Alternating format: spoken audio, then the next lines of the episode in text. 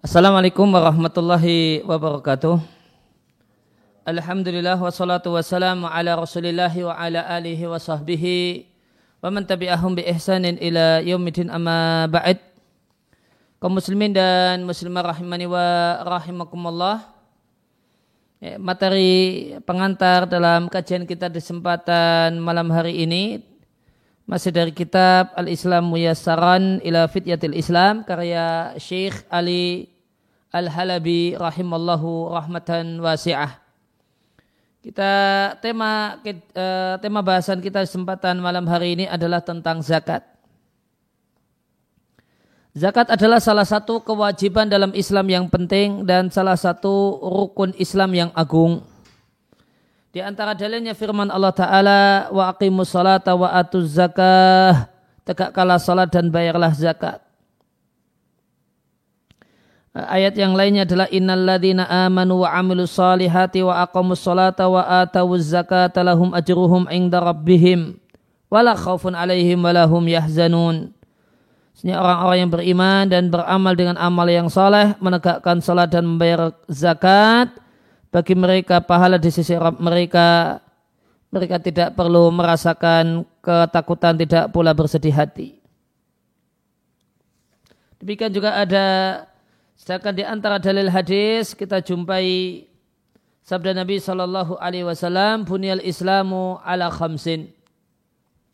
Bangunan Islam atau tenda Islam itu tegak di atas lima tiang. Yaitu syahadat la ilaha illallah Muhammadur Rasulullah, menegakkan salat, membayar zakat, puasa Ramadan dan berhaji ke Ka'bah. Siapa yang mampu mengadakan perjalanan ke sana. Kemudian zakat itu memiliki keutamaan ya, dari sudut pandang agama yang sangat banyak di antaranya dari Abu Umamah radhiallahu anhu beliau mendengar Rasulullah sallallahu alaihi wasallam menyampaikan ceramah saat hajatul wada. Di antara ceramah Nabi adalah ittaqullaha rabbakum. Bertakwalah kalian kepada Allah. Kenapa? Karena dia adalah Rabb kalian. Yang memberi yang menciptakan yang memberi rezeki. Wasallu khamsakum kerjakanlah khamsakum lima salat sehari semalam dan berpuasalah di bulan kalian yaitu Ramadan. Kemudian wa adu zakat amwalikum. Bayarlah zakat harta kalian. Wa atiu dha amrikum. Dan taatilah penguasa kalian. Maksudnya di catatan kaki ini berlaku khusus untuk penguasa muslim. Penguasa kafir itu tidak memiliki kewajiban taat dari sisi agama meskipun aturan-aturannya bisa saja tetap ditaati dari sisi pertimbangan maslahat agar tidak berurusan dengan pihak-pihak yang terkait dan agar tidak merepotkan dan menyusahkan diri sendiri. Ya, jika ini ditunaikan tadakhulu jannata rabbikum kalian akan memasuki surga Rabb kalian. Kemudian dari sahabat Abu Hurairah radhiallahu anhu Rasulullah sallallahu alaihi wasallam bersabda, Ida adaita zakata malika faqad qadaita ma alaika. Jika engkau tunaikan zakat hartamu maka sungguh engkau telah menunaikan apa yang menjadi kewajibanmu. Kemudian dari Jari bin Abdullah Al-Bajali radhiallahu anhu beliau mengatakan kalau aku berbaiat pada Nabi sallallahu alaihi wasallam untuk menegakkan salat, membayar zakat dan menginginkan kebaikan bagi setiap muslim. Hadis yang lainnya dari sahabat Abu Hurairah radhiallahu anhu Rasulullah sallallahu alaihi wasallam bersabda, "Mana qasad sadaqatun mim malin?" Sedekah tidaklah mengurangi harta. Dan di antara sedekah adalah sedekah wajib yaitu membayar zakat. Dan tidaklah Allah memberikan tambahan kepada seorang hamba karena dia memaafkan kecuali tambah mulia dan tidaklah seorang itu tawaduk karena Allah kecuali Allah akan meninggikan derajatnya. Kemudian dari sahabat Hakim bin Hizam radhiallahu anhu, Hakim bin Hizam ini masih saudaranya uh, Khadijah binti Khuwailid dan diceritakan bahasanya beliau umurnya sangat panjang. Satu versi tentang umur beliau, umur beliau itu 60 tahun sebelum masuk Islam dan 60 tahun setelah jadi muslim. 120 tahun. Beliau mengatakan ayatul yulya khairun min ayatis sufla. Ini. Tangan yang di atas yaitu tangan yang memberi itu lebih baik daripada tangan yang di bawah yaitu yang menerima sedekah. Artinya seorang muslim hendaknya berharap untuk menjadi orang yang bisa memberi.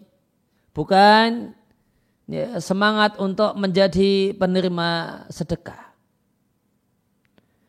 Dan ketika seorang itu mau memberi, memberikan hartanya, membelajarkan hartanya, ibda biman ta'ulu. Maka mulailah dengan penuhi kebutuhan orang yang wajib engkau nafkahi. Wa khairu sadaqati an ghina. Dan sebaik-baik sedekah adalah ketika seorang itu dalam keadaan ya, berkecukupan, khawatir miskin, ya, masih punya angan-angan untuk ini dan itu. Dan siapa yang menjaga kehormatannya, tidak ngemis-ngemis, tidak minta-minta, maka Allah akan mudahkan dan Allah akan bantu. Siapa yang merasa cukup dengan karunia Allah, merasa kona'ah dengan pemberian Allah, maka Allah subhanahu wa ta'ala akan ya, mencukupinya. Nah, kemudian selanjutnya, uh, kewajiban zakat ini hanyalah wajib atas seorang muslim. Jika dia telah menjadi seorang laki-laki yang dewasa sehingga telah terbebani dia telah menjadi seorang yang dewasa terbebani ketaatan dan berbagai macam bentuk ibadah sehingga dia mampu membayar zakat. Dan mampu untuk melaksanakan kewajiban zakat dan dia memiliki harta yang Allah wajibkan pada harta tersebut ya Allah wajibkan padanya pembayaran zakat ya, yang itu merupakan hak murni bagi fakir dan miskin. Sehingga kata penulis, kata saya Ali Al-Halabi, zakat tidak wajib bagi anak kecil, baik anak yatim ataupun yang lainnya. Maka tidak wajib atas anak kecil, anak yatim atau yang lainnya, zakat menzakati harta yang dia warisi dari ayahnya yang telah meninggal dunia atau harta yang disimpankan untuknya. Ya, dan tidak adanya kewajiban zakat untuk anak kecil, anak yatim yang punya yang kaya karena warisan yang banyak adalah pendapat sebagian ulama, pendapat Imam Abu Hanifah. Namun pendapat ini diselisih oleh mayoritas para ulama, tiga imam madhab yang lainnya, yang mereka menyatakan bahasanya zakat itu kewajiban harta tanpa melihat apakah pemilik harta itu uh, orang dewasa ataukah tidak. Dan ini pendapat mayoritas para ulama dan insya Allah pendapat mayoritas para ulama itulah yang lebih tepat. Sehingga ada zakat pada harta anak kecil. Ya karena boleh jadi anak kecil itu hartanya banyak, dia memiliki harta yang banyak, disimpankan untuknya harta yang demikian banyak karena dia dapat warisan dari ayahnya. Demikian juga hartanya orang gila itu juga terkena kewajiban zakat. Hanya saja yang wajib membayarkannya dan menunaikannya adalah walinya yaitu orang dewasa yang mengurusi ya, mengurusi anak kecil ini atau orang gila ini. Kemudian selanjutnya zakat dalam bahasa Arab itu artinya bertambah, berkembang dan mensucikan. Sebagaimana firman Allah Ta'ala, ambillah dari sebagian harta mereka. Sebagian harta, tidak semua harta, yaitu harta-harta jenis tertentu. Sodakotannya ini sedekah tutahiruhum wa tuzakihim biha yang mensucikan mereka dari sifat-sifat yang jelek di antaranya adalah pelit dan mengembangkan sifat-sifat yang baik yang ada pada dirinya di uh, diri orang tersebut di antaranya adalah sifat dermawan. Ya, sedekah dalam ayat ini di surat At-Taubah ini maknanya zakat yang wajib. Para ulama tafsir mengatakan makna asal, makna dasar dari zakat adalah berkembang. Yaitu berkembangnya harta yang terwujud karena Allah subhanahu wa ta'ala memberkahinya.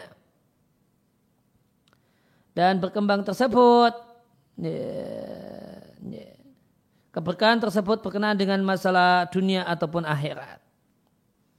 Ya, misalnya ada kalimat zaka azar'u yazku artinya tanaman tersebut berkembang dan penuh dengan keberkahan. Dan dari kata-kata berkembang ini muncullah istilah zakat. Ya, zakat adalah nama bagi harta yang dikeluarkan oleh seseorang dalam rangka menunaikan hak Allah yang diberikan kepada fakir miskin. Watasmiatu bidzalik zakat disebut zakat. Lima yakunu fiha karena dalam zakat itu terdapat harapan. Ya, terdapat harapan keberkahan. Ya, atau litas kiatin nafsi atau untuk membersihkan jiwa yaitu menumbuhkan jiwa dengan berbagai macam kebaikan dan keberkahan. Atau dua-duanya keberkahan pada harta dan kesucian pada jiwa. Fa'ina khairaini mawjudani fiha. Maka karena dua kebaikan ini, kebaikan pada jiwa, kebaikan pada harta, itu dijumpai pada syariat zakat. Sedangkan zakat dalam syariat pengertiannya adalah satu bagian dari harta atau semacam itu yang syariat mewajibkan agar ya, diberikan kepada fakir miskin atau yang semisal dan ini wajib diberikan eh, dalam bagian dari sejumlah syarat-syarat khusus ya, yang harus dipenuhi untuk kewajiban membayar zakat. Zakat tidaklah diberikan kecuali kepada person-person tertentu yang telah Allah sebutkan dalam surat atau ayat yang ke-60. Yaitu firman Allah Ta'ala inna masodakat hanyalah sedekah itu yaitu sedekah yang wajib yaitu zakat itu milik fakir kemudian miskin milik al-amilina alaiha orang yang bekerja dan dia punya otoritas terhadap zakat yang dia ya, zakat yang menjadi kewajiban kerjanya. Wal mu'allafati dan milik orang yang diambil simpati hatinya Kemudian zakat itu firqab untuk keperluan membebaskan budak wal gharimina ya, dan membayar hutangnya orang-orang yang terlilit hutang fi sabilillah untuk keperluan jihad wa sabili dan musafir atau perantauan faridatan minallahi ini kewajiban yang datang dari Allah dan Allah maha mengetahui lagi maha bijaksana. Maka ada delapan asnaf delapan golongan yang memiliki hak untuk mendapatkan zakat yang gambarannya adalah sebagai berikut. Yang pertama fakir. Itulah orang yang tidak memiliki apa pun yang bisa yuki tuhum. Yaitu yang bisa ya, ya, menyambung kehidupan mereka. Tidak memiliki makanan yang cukup untuk menyambung hidupnya. Tidak pula memiliki makanan yang bisa memenuhi hajat kebutuhannya. Maka tidak memiliki aslan sama sekali. Kemudian yang kedua miskin, itu mereka punya makanan yang bisa untuk melanjutkan hidup, namun tidak punya harta yang bisa memenuhi hajat-hajat yang lainnya. Hajat kendaraan, hajat rumah yang layak, dan seterusnya. Pakaian yang layak. Kalau sekedar makan bisa. Namun beli baju tidak bisa ya, memperbaiki genteng rumah yang bocor sulit. Ya, kendaraannya pun yang sudah tidak layak masih dipaksakan untuk dipakai. Nah, ini ya, ini miskin. Namun kebutuhan makannya cukup. Kemudian yang ketiga adalah amil zakat. Itulah orang yang mengurusi zakat dalam bentuk mengumpulkan zakat. Bukannya sekedar menerima orang yang mau bayar zakat, namun mengumpulkan, artinya dia aktif. Kemudian menata dengan baik pengelolaan zakat, wal qiyami alaiha dan mengurusi serba-serbi tentang zakat. Kemudian untuk memerdekakan rikab budak yaitu budak yang yakunu nama mulukina li asyadihim menjadi milik tuan-tuan mereka. Kemudian mu'alafati kulubuhum atau sebelumnya termasuk rikab adalah membebaskan tawanan baik ditawan oleh musuh yaitu orang kafir atau orang yang zalim yang minta tebusan. Jadi ada penculik, ya, anaknya diculik, ada seorang muslim anaknya diculik dan penculiknya minta tebusan. ya, dan orang ini tidak punya harta, maka bisa dibantu pakai duit zakat berdasarkan bahasanya salah satu makna ya, riqab adalah membebaskan tawanan. Kemudian orang yang diambil simpati hatinya, dia adalah non-muslim, diberi harta zakat, dalam rangka memotivasi non-muslim ini agar mau menerima Islam dan menarik mereka kepada agama Islam. Ya. Nah, namun tentu uh, pemberian zakat kepada orang ini tidaklah memiliki fungsi menarik simpati kepada zakat jika nominalnya cuma kecil, misalnya 100 ribu, 200 ribu tentu tidak bisa. Ini nominal besar, boleh jadi satu juta, lima juta, sepuluh juta. Ini menyebabkan non Muslim ini oh, tertarik. Ya, oh, kalau saya ini uh, Islam sangat memperhatikan saya dan dia semula maka dia tertarik dengan Islam di awal dari ketertarikan dengan harta. Yang kemudian setelah itu kita berharap agar dia uh, bisa menemukan keindahan Islam dalam dirinya. Kemudian gharim orang yang terlilit utang itulah orang yang hutang itu memberatkannya. Dia tidak mampu membayarnya dan tidak pula mampu menunaikan hak utang tersebut. Dia tidak mampu membayar karena aset yang dia miliki itu kurang daripada total harta, total utang yang dia menjadi kewajibannya. Fisabilillah artinya jihad yang syar'i. Wal qiyam dan berdiri menghadapi musuh Allah Subhanahu wa taala di medan perang. Ibnu Sabil adalah orang yang terputus orang yang terputus sarana untuk bisa kembali ke uh, terputus baginya berbagai macam sarana hidup dan keadaan dan dia tidak di negerinya. Boleh jadi musafir, boleh jadi perantauan. Nah, kemudian ancaman orang yang tidak mau bayar zakat. Allah Ta'ala berfirman di surat ya, At-Taubah dan orang-orang yang menyimpan emas dan perak dan tidak membelanjakannya di jalan Allah yaitu tidak membayar zakatnya. Berilah kabar kepada mereka berupa seksaan yang pedih. Hari di mana mereka dibakar di api neraka. Lantas disetrikalah nye, nye, dahi, kemudian nye,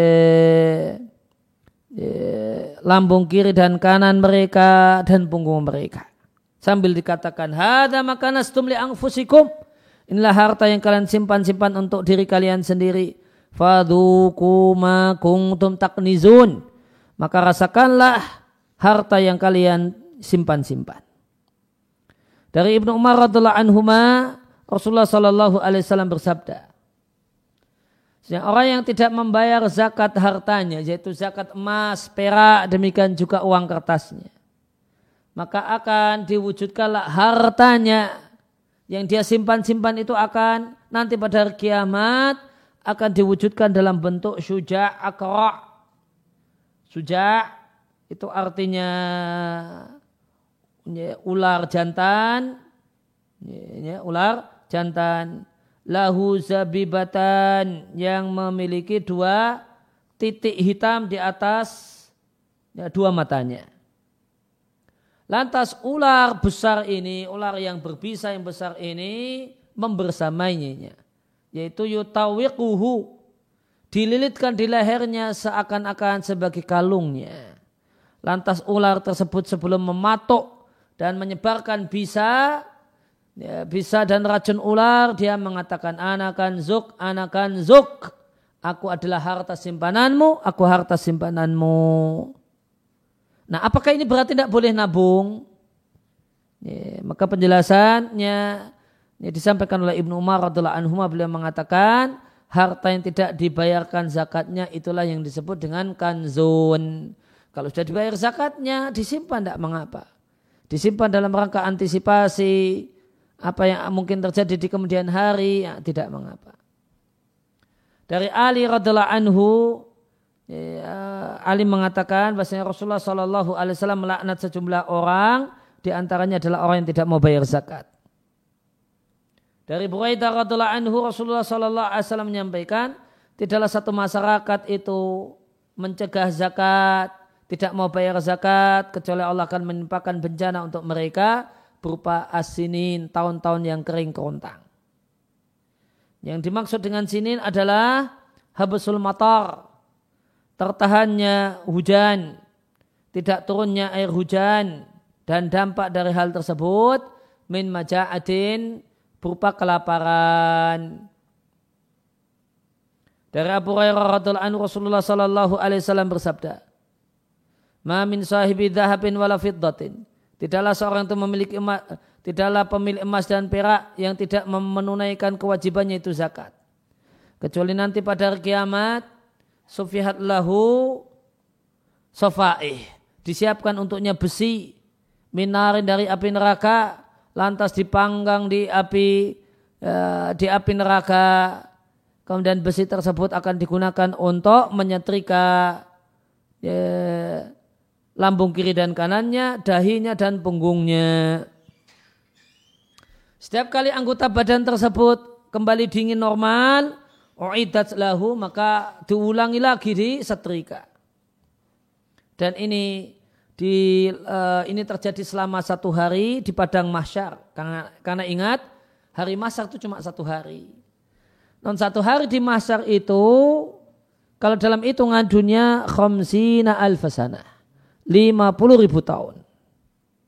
Nah inilah yang dinikmati oleh orang yang tidak mau bayar zakat sampai diputus kalah nasib para hamba sampai hisap seluruh makhluk itu selesai. Setelah dia mendapatkan siksa sambil sambil nunggu antrian hisap, setelah itu selesai siksaan, diperlihatkan padanya jalannya. Boleh jadi jalan menuju surga, boleh jadi jalan menuju neraka. Ya, maka zakat itu diambil dari harta tertentu, tidak semua harta.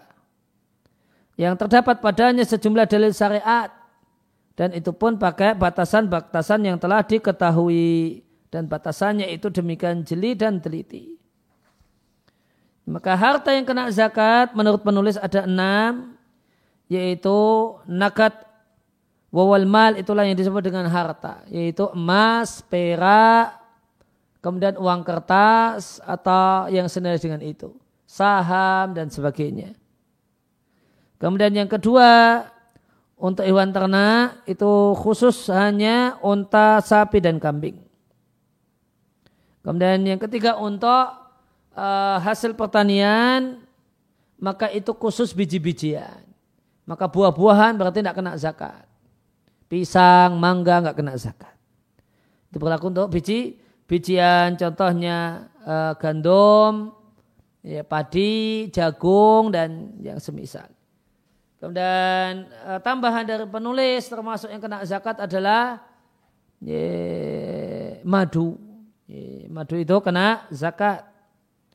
Kemudian yang kelima adalah harta rikas, yaitu harta yang dijumpai dalam keadaan terpendam di tanah kaum muslimin namun itu dari hartanya orang kafir sebelum datangnya Islam.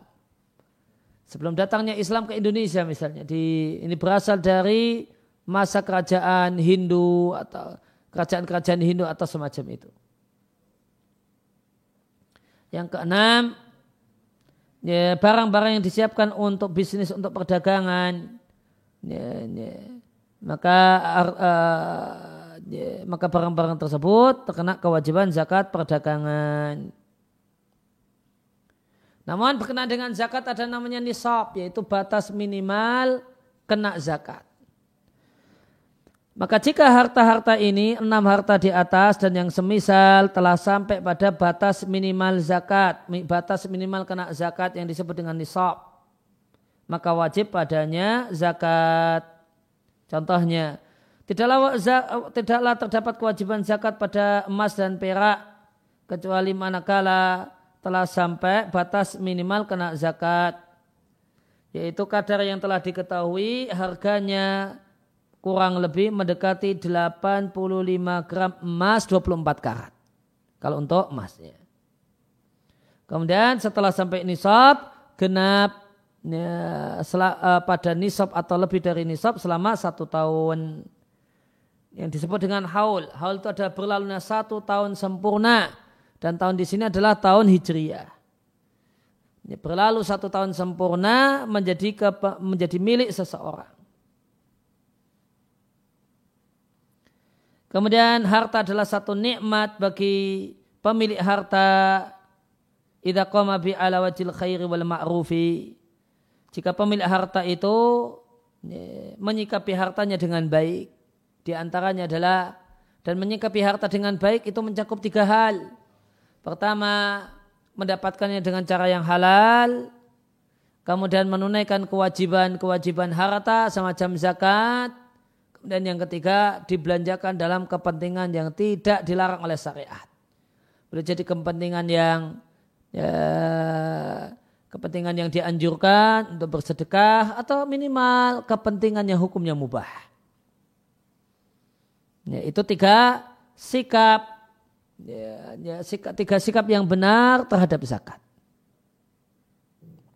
Ya, tiga sikap yang tepat terhadap harta. Kemudian zakat itu tidak boleh diberikan kepada orang yang memiliki harta. Artinya dia punya tabungan yang banyak. Tidak punya pekerjaan namun tabungannya banyak sehingga tidak pernah kerja. Namun kebutuhan hariannya tercukupi. Demikian juga zakat tidak boleh diberikan kepada orang yang tidak punya duit. Namun dia badannya sehat dan mampu kerja namun malas kerja. Maka perlu diketahui bahasanya orang yang berbadan sehat dan malas kerja statusnya dalam fikih Islam dia statusnya orang kaya. Karena secara potensi dia itu orang kaya. Kalau potensinya mau dia ini dia kembangkan, dia akan memiliki banyak harta. Non dia kenapa dia tidak punya harta? Ya karena tidak mau kerja. Karena gengsi. Ya, kalau kerja dan itu dia maunya kerja kantoran yang gajinya besar, namun dia tidak mau meniti dari bawah. Sebagaimana sabda Nabi Shallallahu Alaihi Wasallam, la tahilu sadaqatu li Tidak sedekah yaitu zakat tidak halal bagi orang kaya yang punya harta banyak. Wala lidhi miratin sawiyin tidak pula boleh bagi orang yang miratin sawiyin. Miratin artinya orang yang kuat. Orang yang gagah. Sawiyin artinya sempurna normal semua anggota tubuhnya. Sehingga dia bisa melakukan berbagai macam aktivitas produktif dan aktivitas yang menghasilkan keuntungan dan pendapatan. Kemudian poin yang terakhir tentang manfaat bayar zakat. Membayar zakat memiliki banyak manfaat besar yang akan diambil oleh seorang muslim ini dari sisi agama dan dunia. Di antaranya adalah menerapkan syariat dan melaksanakan hukum-hukum syariat. Mencucikan harta dari hak orang lain yaitu hak fakir miskin. Maka maka ini konsep yang uh, konsep luar biasa dari uh, Islam tentang uh, sedekah. Dalam ini sedekah wajib. Maka sedekah sedekah itu konsepnya bukan kebaikan pemilik harta, namun konsepnya adalah itu ya, menunaikan hak orang miskin. Jadi bukan kebaikan orang kaya, namun ini hak orang miskin. Ini di antara ini konsep uh, sedekah dalam Islam yang tidak dimiliki oleh ajaran yang yang mungkin tidak dimiliki oleh ajaran-ajaran yang lainnya. Ajaran yang lainnya ya sedekah itu ya donasi berbuat baik. Ya. Sedangkan kalau Islam ya, dalam zakat itu bukan hanya uh, itu statusnya adalah memberikan hak fakir miskin. Kemudian melindungi dan menjaga diri dari dari sifat pelit. Kemudian kemudian satu rasa dengan fakir dan miskin dan membantu mereka. Kemudian mengembangkan harta dan menambah jadi sebab bertambahnya harta. Kemudian mewujudkan rasa syukur kepada Allah Subhanahu wa taala atas berbagai-bagai macam nikmat-nikmatnya. Kemudian menguatkan ikatan dan hubungan antara anggota masyarakat seluruhnya, antara orang kaya dengan orang miskin. Kalau tidak ada bayar zakat, maka ada gap, jurang pemisah antara orang kaya dengan orang miskin. Maka dengan adanya kegiatan bayar zakat diharapkan gap dan jurang pemisah tersebut semakin merapat dan mendekat. Kemudian selanjutnya adalah mencegah azab Allah, mendatangkan nikmat-nikmat Allah Subhanahu wa taala kemudian uh, jernihnya hati sehingga penuh bahagia di dunia dan beruntung dalam surganya. Allahumma aghnina wa zidna wa wafiqna wa thabbitna wa ja'li dunya fi aidina la fi kulubina. Ya Allah, berilah kami kecukupan hati, tambahkanlah kepada kami kebaikan, berilah taufik dan kemudian untuk beramal soleh dan amal ibadah, kokohkanlah kami dan jadikanlah dunia di tangan kami dan bukan di hati kami. Demikian wasallallahu ala nabiyina Muhammadin wa ala alihi wasallam wa aruda'ana alhamdulillahi rabbil alamin. Saya kembalikan ke moderator. Baik Ustaz, Alhamdulillah, insyaallah jazakallah khairan untuk uh, pembahasan tentang zakat ya. merupakan merupakan sedekah yang wajib. Dan ini kita diingatkan kembali bahwa ini kewajiban ini sering atau bahkan banyak yang yang lalai ya. Dengan demikian eh, apakah itu ada dari kerabat kita teman kerja yang memang layak lalai terhadap zakat ataupun juga memang mereka itu ada yang tidak tahu maka ketika kita sudah mempunyai ilmunya wajib untuk mengamalkan kemudian menyampaikannya baik Alhamdulillah Ustaz di sini sudah ada pertanyaan. Yang pertama ini pertanyaan dari Akhi Arif di Jakarta. Assalamualaikum warahmatullahi wabarakatuh, Ustaz. Waalaikumsalam warahmatullahi wabarakatuh. Jika saya memiliki dua logam mulia, masing-masing beratnya 50 gram. Satu logam mulia saya beli di bulan Januari 2020 dan satu LM lagi, satu logam mulia lagi saya beli di bulan Agustus 2020 untuk LM tersebut sudah harus saya dikeluarkan zakatnya tidak di bulan Januari 2021 mengingat beratnya masing-masing kurang dari 85 gram. Dan LM kedua masa simpannya belum satu tahun karena uh, bulan Agustus 2021 gitu Ustaz. Uh, bagaimana dengan hal tersebut Ustaz? Ya, uh, Maka jika logam mulia tersebut nanti tidak ditegaskan apa bentuknya. Kalau bentuknya emas, maka tolak ukurnya di pembelian yang pertama belum sampai nisab, pembelian yang kedua sampai nisab. Maka e, telah sampai nisab di pembelian yang kedua. Jika itu bertahan di atas nisab sampai setahun, yaitu sampai semasa pembelian yang kedua, yang tadi disebutkan bulan Agustus, Nah, baru terkena kewajiban zakat dua setengah persen dari totalnya. Tadi 50-50 berarti 100 gram. Maka dua setengah persen kali 100 gram. Nah, meskipun kemudian perlu uh, tadi saya contohkan dengan Agustus sebagai untuk mempermudah penjelasan meskipun sebenarnya tolak ukurnya hendaknya pakai kalender hijriah dan bukan hijriah. masehi. Iya. Baik. Uh, kemudian ini bisa kalau untuk pengali ini kan logam mulianya emas Ustaz. Ya. Yeah. Untuk uh, pengali dua setengah persennya itu apakah di harga pada saat beli atau harga sekarang nanti di uh, Agustus 2000 Agustus 2021? Ya, harga pada saat uh, Agustus itu. Agustus 2021 pada saat mengeluarkan zakat ya harganya ya. Iya. Baik, Baik Ustaz Alhamdulillah, sekian jazakallah untuk jawabannya. Berikutnya ini pertanyaan dari uh, Fulan di Jawa Barat. Bismillah, barakallahu fikum Ustadz. Mohon penjelasannya. Mohon penjelasannya terkait zakat untuk pengusaha atau peternak sarang burung walet. Zakat dikeluarkan per tahun atau setiap kali panen dan berapakah besarannya? Demikian Ustadz pertanyaannya. Ya karena uh, sarang burung walet itu tidak untuk konsumsi pribadi namun untuk dijual maka zakatnya adalah zakat perdagangan. Yaitu uh, sejak dia memiliki harta burung walet harta yang siap untuk dijual ya, maka kita ya, maka ketika dia sudah punya sudah terbentuk itu rumah waletnya dan itu diniatkan untuk dijual maka itu uh, kita anggap sebagai awal awal perdagangan. Awal perdagangan. Sampai tunggu sampai satu tahun. Nanti setelah genap satu tahun coba dilihat punya sarang bulung walet berapa yang ya, siap untuk dijual. Atau yang disiapkan untuk dijual. Ya, maka di total jika nilainya lebih dari harga 85 gram emas ya, maka itu kena zakat dua setengah persen. Oh ternyata uh, mbak uh, rumah burung walet yang dia miliki nilainya kalau dijual kalau seluruhnya laku terjual 200 juta. Ya sudah dua setengah persen kali 200 juta. Nah. Nah, Ustaz.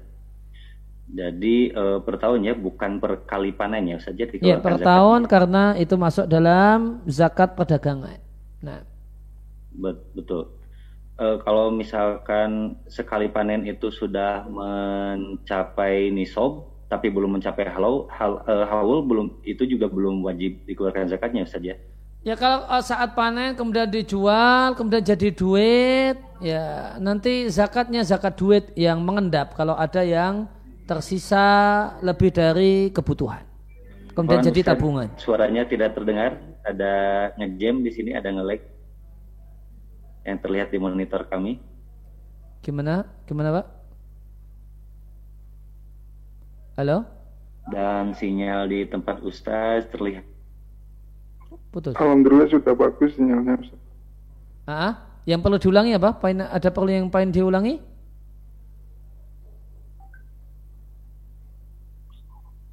Sudah saya kira Ustaz sudah jelas. Oh ya ya. ya monggo pertanyaan selanjutnya. Pertanyaan berikutnya. Baik, Bismillahirrahmanirrahim. Assalamualaikum warahmatullahi wabarakatuh, Ustaz. Waalaikumsalam warahmatullahi wabarakatuh. Ana Rio Ujiantoro dari Ciledug, Tangerang. Mengenai zakat fitrah, apakah zakat fitrah itu harus berupa beras dan dalam jumlah satu sok Lalu bagaimana hukumnya dengan saudara-saudara kita yang berzakat berupa sejumlah uang yang dikonversi dari harga beras? Dan apabila kita dalam berzakat melebihkan pemberian berupa bahan makanan pokok lainnya, apakah itu termasuk sedekah Ustaz? Demikian pertanyaannya, syukron wa jazakallahu khairan Ustaz. Ya, uh, yang tepat pembayaran zakatul fitri itu dengan bahan makanan pokok sebagaimana pendapat mayoritas para ulama dan ini pendapat tiga madhab selain madhab Hanafi. Inilah pendapat yang tepat dan yang sesuai dengan yang lebih sesuai, lebih dekat dengan tuntunan Nabi Shallallahu Alaihi Wasallam. Ya. Dan itu yang jelas keabsahannya. Karena kalau pakai uang diperselisihkan keabsahannya. Sedangkan sikap kita terhadap saudara-saudara kita yang bayar zakat pakai uang Ya, kita maklumi. Uh, mungkin sebatas itulah pengetahuan beliau-beliau ditambah uh, bolehnya zakat tidak dengan bahan makanan pokok nah, namun dengan uang atau sejenis itu adalah pendapat Imam Abu Hanifah sebelumnya adalah pendapat uh, Umar bin Abdul Aziz kemudian ya, sebelumnya adalah pendapat Hasan Al Basri Ya, kita hormati, kita maklumi. Ya, ada, jadi seandainya ya, ada obrolan, maka sifatnya diskusi, bukan menyalah-nyalahkan. Kemudian ya, diskusi disampaikan, bahasanya yang tepat adalah dengan bahan makanan pokok. Karena di masa Nabi sudah ada uang, sudah ada dinar dan dirham, dan Nabi dan para sahabat tidak pernah uh, membayar zakatul fitri dengan uang dinar atau dirham Padahal itu ada.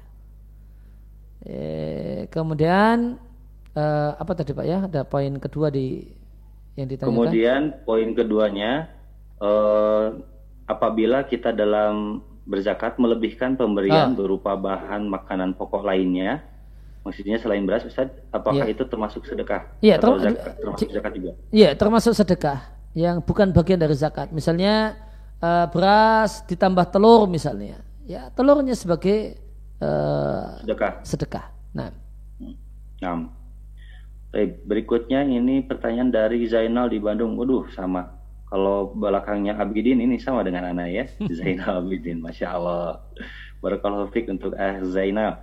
Bismillah, semoga Ustaz dan keluarga selalu dalam lindungan Allah Subhanahu wa taala. Amin. Amin.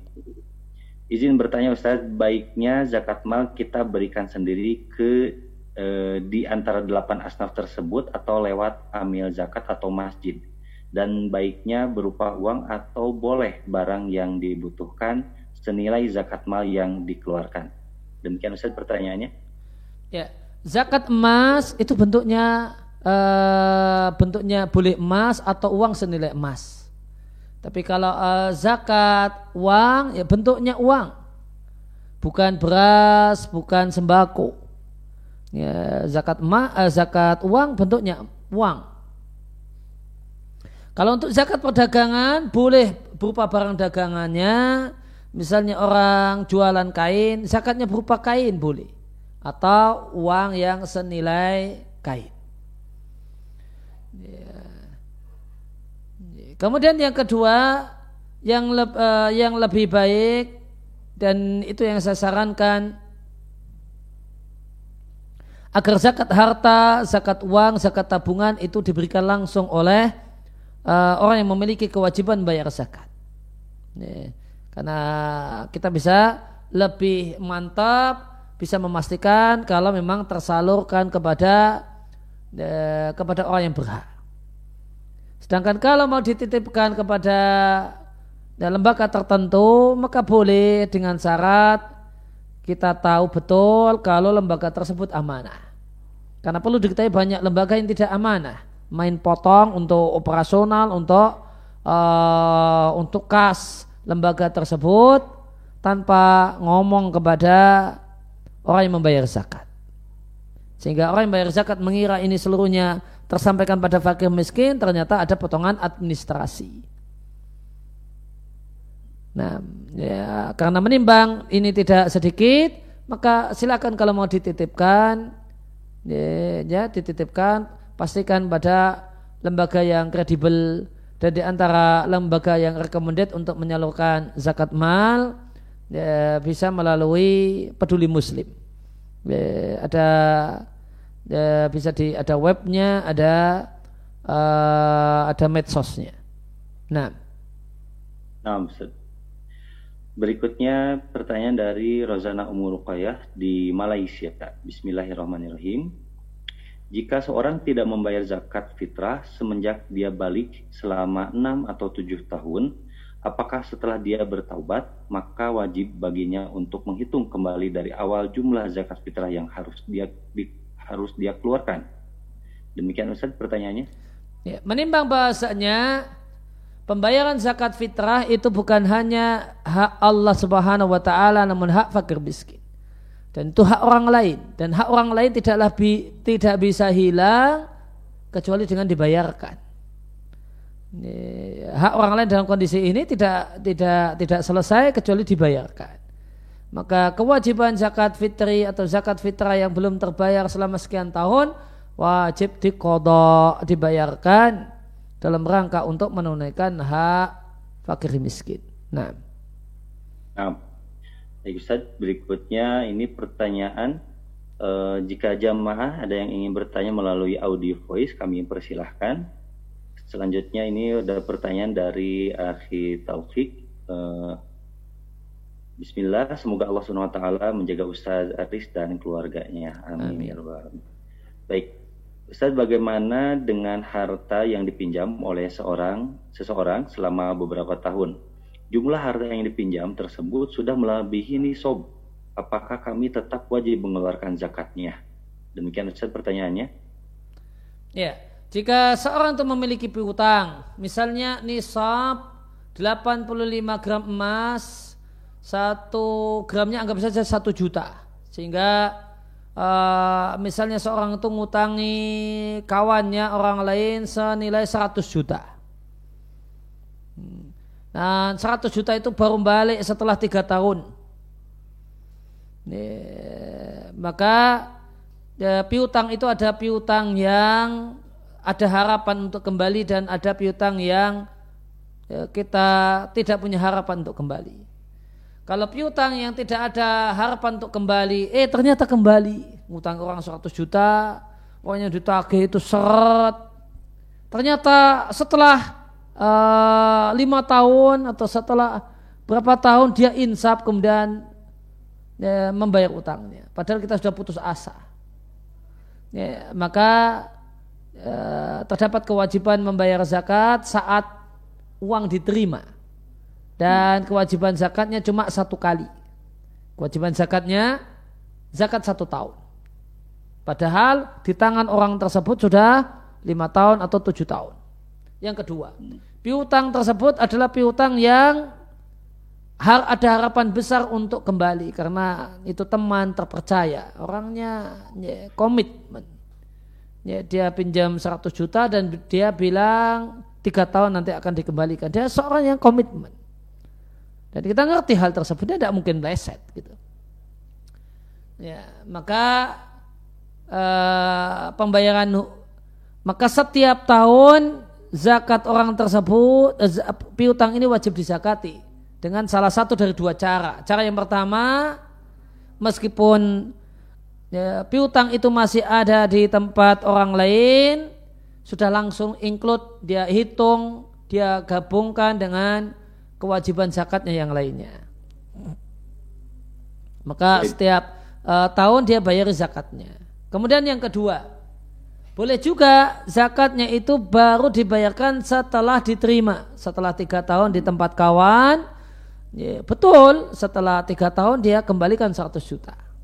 Kemudian kita terima, ya, maka wajib dizakati dua setengah persen kali 100 juta, kemudian kali tiga tahun. Jadi kewajibannya kewajiban zakat tiga tahun. Nah, baik. Alhamdulillah, Ustaz. Kemudian ini di channel YouTube ada yang bertanya bagaimana cara menghitung zakat untuk kontrakan. Zakat untuk kontrakan, maka uang kontrakan diterima. Kemudian jika uang kontrakan ini dipakai untuk kebutuhan harian, kebutuhan reguler, atau untuk uh, membeli ini dan itu yang diperlukan, kemudian uang hasil kontrakan tersebut habis, ya sudah tidak ada kewajiban zakatnya.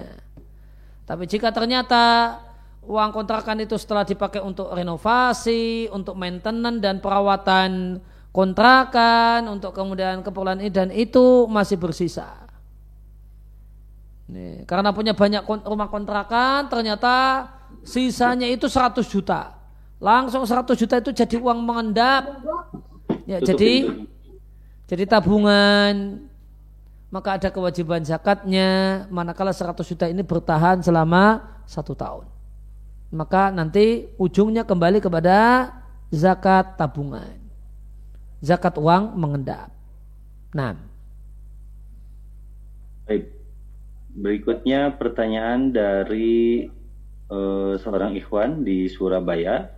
Untuk zakat fitrah itu lebih baik diserahkan ke panitia amil zakat masjid sekitar atau kita bagikan langsung pada orang yang berhak. Ini pertanyaannya hampir serupa dengan dua pertanyaan sebelumnya, itu saja. Ya, yang saya sarankan untuk dibayar langsung kepada orang yang berhak uh, menerimanya sehingga kita yakin kalau betul-betul sampai kepada orang yang berhak. Nah, meskipun atau meskipun boleh saja dititipkan kepada pihak-pihak tertentu yang kita yakin kalau dia adalah pihak dan lembaga yang amanah. Nah. Oh iya Ustaz. Bismillah, jazakallah khair atas ilmunya Ustaz. Ini pertanyaan berikutnya dari chat. Mohon penjelasannya untuk zakat perusahaan di bidang jasa. Apakah dibayarkan dari keuntungan perusahaan setelah haul atau dibayarkan oleh pemegang saham setelah mendapatkan dividen? Demikian Ustaz pertanyaannya. Jazakallahu khairan. Ya, perusahaan jasa, maka perusahaan itu namanya saksiyah iktibariyah dia teranggap satu sosok. Satu sosok mandiri. Maka ada kewajiban zakat perusahaan. Ada kewajiban zakat perusahaan. Ya, ketika perusahaan ini punya keuntungan, ya keuntungan atau kemudian punya keuntungan misalnya atau punya kas ya, ya apa, kas cash ya di rekening Ya, yang itu jadi uang mengendap dan itu lebih dari nisab, ya, maka per tahun sekali dibayarkan zakatnya.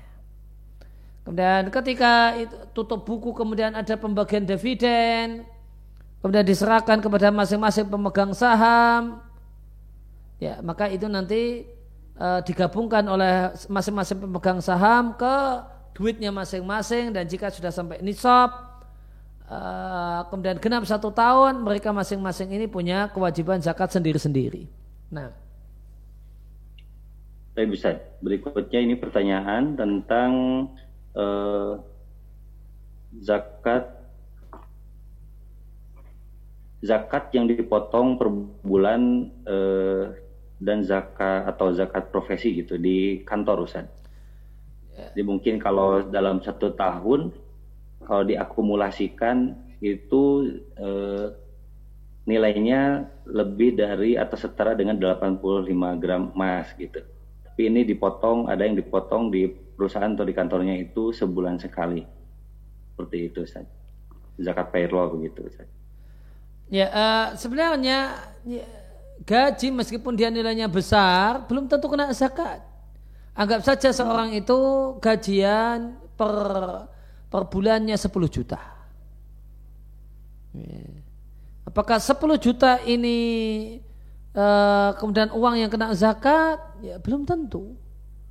Bisa jadi 10 juta tersebut ternyata ya, kebutuhan bulanan dia ada sekolah anak, ada kendaraan, ada ini dan itu, apalagi istrinya empat, itu kan penghasilnya 10 juta, nomor istrinya empat, ya. itu habis, sehingga dia tidak ada kewajiban zakat atas dirinya.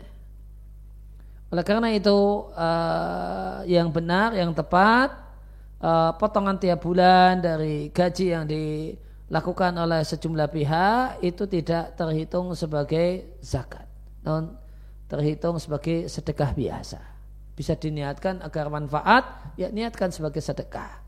Sehingga tani uh, tetap ada kewajiban membayar zakat jika seorang itu punya tabungan dan uang mengendap hmm. sebesar nisab dan berjalan sudah genap satu tahun. Nah, nah Ustaz. Berikutnya pertanyaan dari uh, seorang Ikhwan.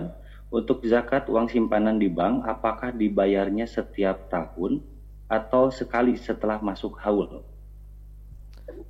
Setiap tahun. Setiap tahun nanti sampai nisab itu misalnya bulan Rojab uh, anggap aja nisabnya 100 juta atau kemudian 85 juta.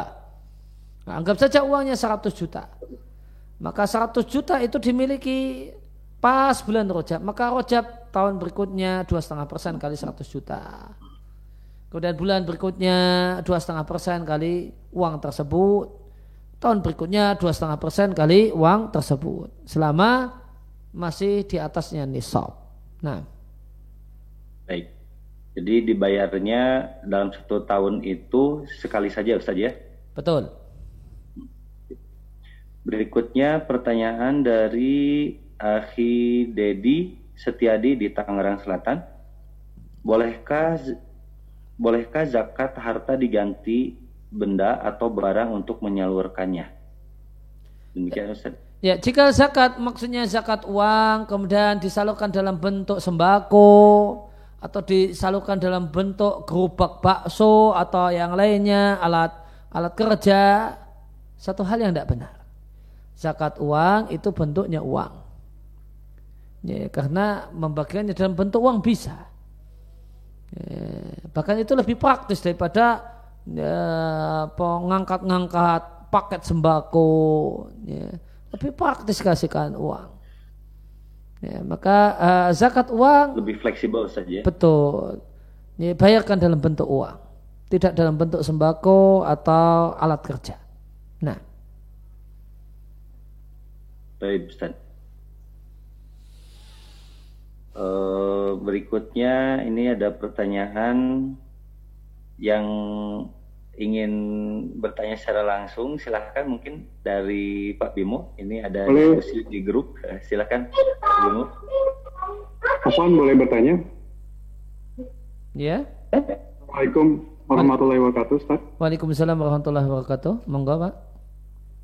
Barakallahu fiik, Ustaz. Wallahi Dengan Wildan. Ustaz, dari Bandung. Eh, Mau bertanya, Ustaz. Ketika kita jadi amil zakat, pada saat eh, pembagian zakat fitrah, itu jika digabungkan pembagian zakat fitrahnya dari dana eh, zakat mal, apakah diperbolehkan? Maksudnya gimana, Pak? Ide- idealnya zakat fitrah itu kan beras saja, Pak. Jadi kita kita sarankan kepada panitia untuk hanya menerima beras. Eh, berarti kan nggak eh, kemudian nanti distribusinya kepada fakir miskin beras plus zakat mal berupa duit, begitu, Pak? Iya, jika dari uang yang zakat mal itu dikonversikan, kemudian dibelanjakan kepada ke beras, kemudian dibagikan kepada eh fakir miskin untuk penerima zakat fitrah, apakah boleh seperti itu atau tidak boleh gitu? Tidak boleh. Zakat uang didistribusikan dalam bentuk uang. Jadi bolehnya tadi ada orang yang bayar, ada orang yang titip untuk zakatul fitri berupa beras. Kemudian ada orang yang titip zakat eh, zakat uangnya, tabungannya berupa duit. Nah, maka kita berikan pada fakir miskin ini beras zakat eh, mohon diterima ini beras zakat fitri dan ini ada eh, penyaluran zakat mal uang sekian ratus ribu misalnya. Nah, Nah, jazakallah khair, Ustaz. Waalaikum.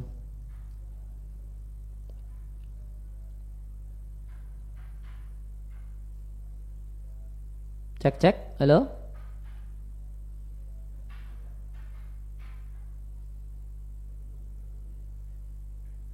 Halo, halo.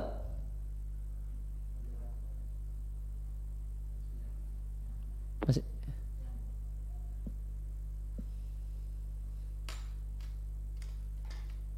Afwan Ustaz, kayaknya kan saya sinyalnya kurang bagus. Oh, nggih, monggo Pak dilanjut Pak. Ustaz, mau mengucapkan selamat atas kelahiran putranya yang keenam ya Ustaz. Oh iya Pak, makasih Pak. Jazakumullah khairan. Ustaz, eh, tadi Kang Zai eh, menyampaikan kalau kita ingin bertanya kepada Ustadz tentang masalah zakat Ustaz. Eh, Gimana? tadi sebenarnya sudah disinggung eh, mengenai satu zakat yang dipotong di kantor setiap bulan. Iya. Eh, jadi di kantor itu ada program pemotongan zakat tiap bulan Ustaz. Oh iya. Ya, eh, itu kemarin eh, dari beberapa ustadz yang ki- kita ikuti pendapatnya harusnya nggak ada itu. Oh iya. Dan Ya. tadi Ustadz sudah sampaikan. Ya, niatkan niatkan sebagai sedekah aja, Pak. Sedekah aja. Mm. Terus kemudian zakat profesi Ustadz. Ya, itu sama, Pak. Zakat bulanan itu atau setiap kali habis operasi kalau dokter dan sebagainya enggak ada itu. Nggak ada juga. Betul. Nah, nah, itu mungkin yang buat kita di eh, lingkungan karyawan sebagai pekerja itu yang perlu kita mendapat eh, ilmu dari Ustadz bagaimana penerapannya. Karena kan kita hanya mengikuti yang berlaku di kantor biasanya. Nggih. Jadi pengen dapat penjelasan dari Ustadz. Iya. Kalau profesi di eh, profesi di di masa Nabi, masa sahabat sudah ada. Ya, ada orang yang eh dia kemudian mendapatkan apa? Mendapatkan harta yang banyak karena meru'yah. Karena meru'yah. Ya. Maka ini kan semisal profesi. Padahal itu yang dikisah orang yang meru'yah eh, kepala kampung itu dia dapat za, eh, dapat upah senilai 30 ekor kambing. Masya Allah. Eh, 30 ekor kambing. Nilainya kan besar. Ya, Nabi nggak pakai kemudian nanti ini ya kena potong zakat dulu ya gitu ya. Zakat profesi kalian berprofesi sebagai pengruyah gitu ya. Eh, oleh karena itu maka anggapan kalau misalnya dokter operasi setiap kali dapat fee operasi kemudian kena zakat atau misalnya apa advokat setiap kemudian uh, tuntas uh, apa kerjanya kemudian dapat fee kemudian kena potong dua setengah persen satu hal yang tidak benar di masa Nabi sudah ada orang yang mendapatkan upah-upah tertentu karena uh, karena kegiatan yang menghasilkan duit dan tidak ada pemotongan semacam itu. Nah. Jazakallah khairan Ustaz. Wa jazakumullah khairan. Baik. Alhamdulillah, uh, Ana sudah kembali. Tadi sempat terputus Ustaz. Aduh, masya Allah, sinyalnya lagi down. Oh, di mana sih Pak? Di, di mana Kang kok, kok pakai putus-putus segala? di Bandung Utara, Ana Ustaz. Jadi oh. agak di lereng. Oh. Ya ya, monggo. Gitu Ustaz. Baik, berikutnya pertanyaan ini di channel YouTube ada dari Akhi Abdul Robi di Bandung. Mohon penjelasan apakah menunaikan zakat harus dengan ijab kabul antara muzaki dan mustahik? Demikian Ustaz pertanyaannya. Jawabannya tidak harus ada ijab kabul, yang penting ada niat di hati dari pembayar zakat. Kemudian dia sampaikan kepada orang tersebut kalau ini zakat ya, supaya jika dia mau menerima zakat ya maka dia menerimanya dalam keadaan tahu kalau itu zakat dan jika dia merasa bahasanya dirinya itu tidak layak dapat zakat, tidak pantas dapat zakat, kemudian dia tidak mau menerima, ya sudah kita bisa salurkan kepada orang lain yang kita nilai berhak dan mau menerima. Nah. Baik, berikutnya ini pertanyaan dari seorang ikhwan. Apabila Assalamualaikum Ustaz. Waalaikumsalam warahmatullahi. Apabila piutang di luar sekitar 80 juta rupiah, tapi dicicil selama 4 tahun. Di rumah ada simpanan sekitar 10 juta. Rojab tahun ini memasuki haul. Apakah wajib dizakati pas tahun ini atau menunggu terkumpul semuanya? Karena yang piutang 4 tahun dicicil per bulan sekitar 2 juta. Demikian Ustaz dari hamba Allah di Tangerang. Uh, bukan nunggu haul ya, harusnya nunggu nisab dulu. Ya, hmm. di rumah ada 10 juta. Ini kemudian ngangsur berapa tadi per bulan? 2 juta. 2 juta. Ini 10, kemudian bulan ini jadi 12, bulan berikutnya jadi 14, bulan berikutnya jadi 16, kemudian 18, kemudian 20. Ya masih lama itu. Kalau tolak ukurnya tolak ukur emas dan itu menurut pendapat yang paling kuat uang itu tolak ukurnya emas. Ya, nanti kurang lebih 85 juta. Atau kalau mau kemudian lebih supaya cepat beramal soleh bisa pakai tolak ukur perak. Ya, kurang lebih 595 gram perak. Satu gramnya itu 10 sampai 15 ribu ya, atau paling banter 20 ribu. Nah itu nanti bisa lebih cepat untuk beramal soleh membayar zakat. Ya, maka bisa pakai tolak ukur perak meskipun yang lebih tepat wallahu taala a'lam adalah pakai tolak ukur emas. Nah. Nah, Uh, satu pertanyaan terakhir Ustaz ya, karena sudah jam 9. Iya, iya. Mohon izin Ustaz. Silakan. Pertanyaan berikutnya di channel YouTube dari Muhammad Randa. Oh, afwan. Dari Muhammad Rianda, afwan. Bismillah, Assalamualaikum Ustaz. Waalaikumsalam warahmatullahi di luar tema, Ana izin bertanya apakah dampak dari orang yang keseringan mazi? Syukron jazakallah khairan. Wassalamualaikum warahmatullahi Ya, di antara sahabat Nabi ada orang yang uh, sangat sering keluar air madinya. Di antaranya adalah sahabat Ali bin Abi Thalib dan pada awalnya Ali itu mengira bahasanya wajib mandi karena keluar madi. Kemudian ditanyakan uh, hal ini namun karena malu karena beliau menantu Nabi maka minta tolong kepada Miqdad ibn al-Aswad untuk menanyakannya kepada Nabi. Maka Nabi sampaikan kalau itu tidak mengharuskan mandi. Namun itu membatalkan wudhu dan itu najis. Ya wajib dibersihkan karena itu najis sedangkan wajib uh, kemudian wajib wudhu. Nah, apakah ada dampak uh, negatifnya? Wallahu a'lam apa dampak negatifnya secara kesehatan kalau orang itu sering keluar air madinya. Namun yang jelas itu di luar kuasa seseorang. Ya, kita tidak bisa ngatur-ngatur ini ya, ya, keluar madhi setiap hari atau kemudian ya, seminggu sekali atau sebulan sekali kita tidak bisa ngatur-ngatur. Itu semata-mata uh, uh, kondisi yang kita terima. Nah demikian uh, yang kita bahas dalam kesempatan malam hari ini. Saya ucapkan terima kasih kepada semua yang hadir di kelas virtual ini. Seiring berdoa kepada Allah Subhanahu wa taala agar kehadiran kita di kelas virtual ini Allah catat sebagai amal soleh dan amal ibadah yang memperberat timbangan kebajikan kita di sisi Allah Subhanahu wa taala. Di hari tidaklah bermanfaat harta dan anak kecuali orang yang menghadap Allah dengan hati yang bersih dan amal yang saleh.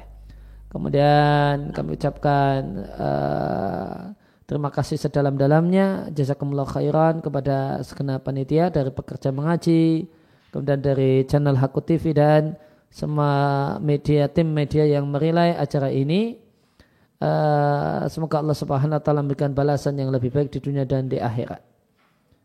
Ya, demikian. Uh, ada kuis atau tidak? Tidak ada Ustaz. Oh iya. Ya, demikian kurang lebihnya mohon maaf.